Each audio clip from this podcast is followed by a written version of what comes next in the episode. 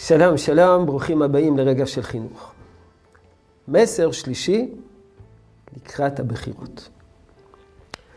הרב קוק בספרו אורות כותב שעל מנת שחברה אנושית תתקיים, היא זקוקה לשלושה יסודות, נקרא לזה יסודות תרבותיים, רוחניים, אה, מרכזיים.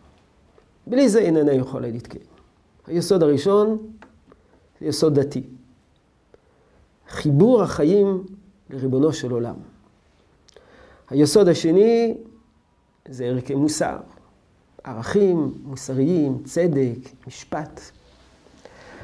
הדבר השלישי שחברה זקוקה לו על מנת להתקיים כחברה זה ערכים לאומיים. ערכים הלאומיים זה הדבק שמדבק את היחיד והופך אותם, את כל היחידים, לחברה מגובשת אחת, ללאום, לאומה.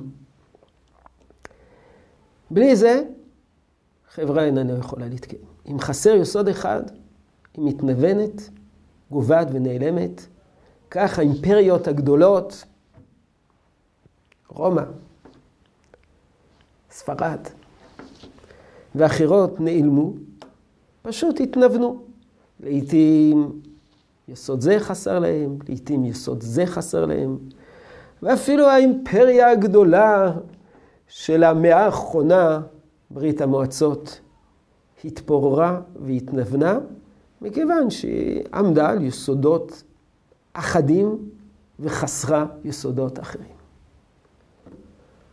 לא, הייתה בה, לא היה בה דת, ולאט לאט חסר בה גם כן צדק ומוסר, והערך הלאומי הגדול של ברית המועצות לא הצליח להחזיק אותה לקיים אותה, והתפוררה לרסיסים. אה, לא קשה לראות במדינת ישראל אה, את קיומם של היסודות הללו. אבל נקדים הקדמה.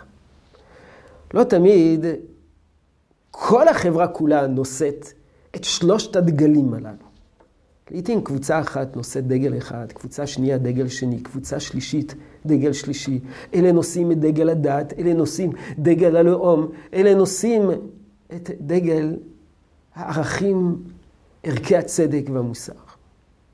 לא קשה לראות את זה היום במדינת ישראל, בקיומם של שלושה גושים, הגוש הדתי, הימין, שהוא בעד חוק הלאום, ערכים הלאומיים, והגוש של השמאל, שמניף לגובה את הערכים של הצדק והמוסר, וערכים אוניברסליים.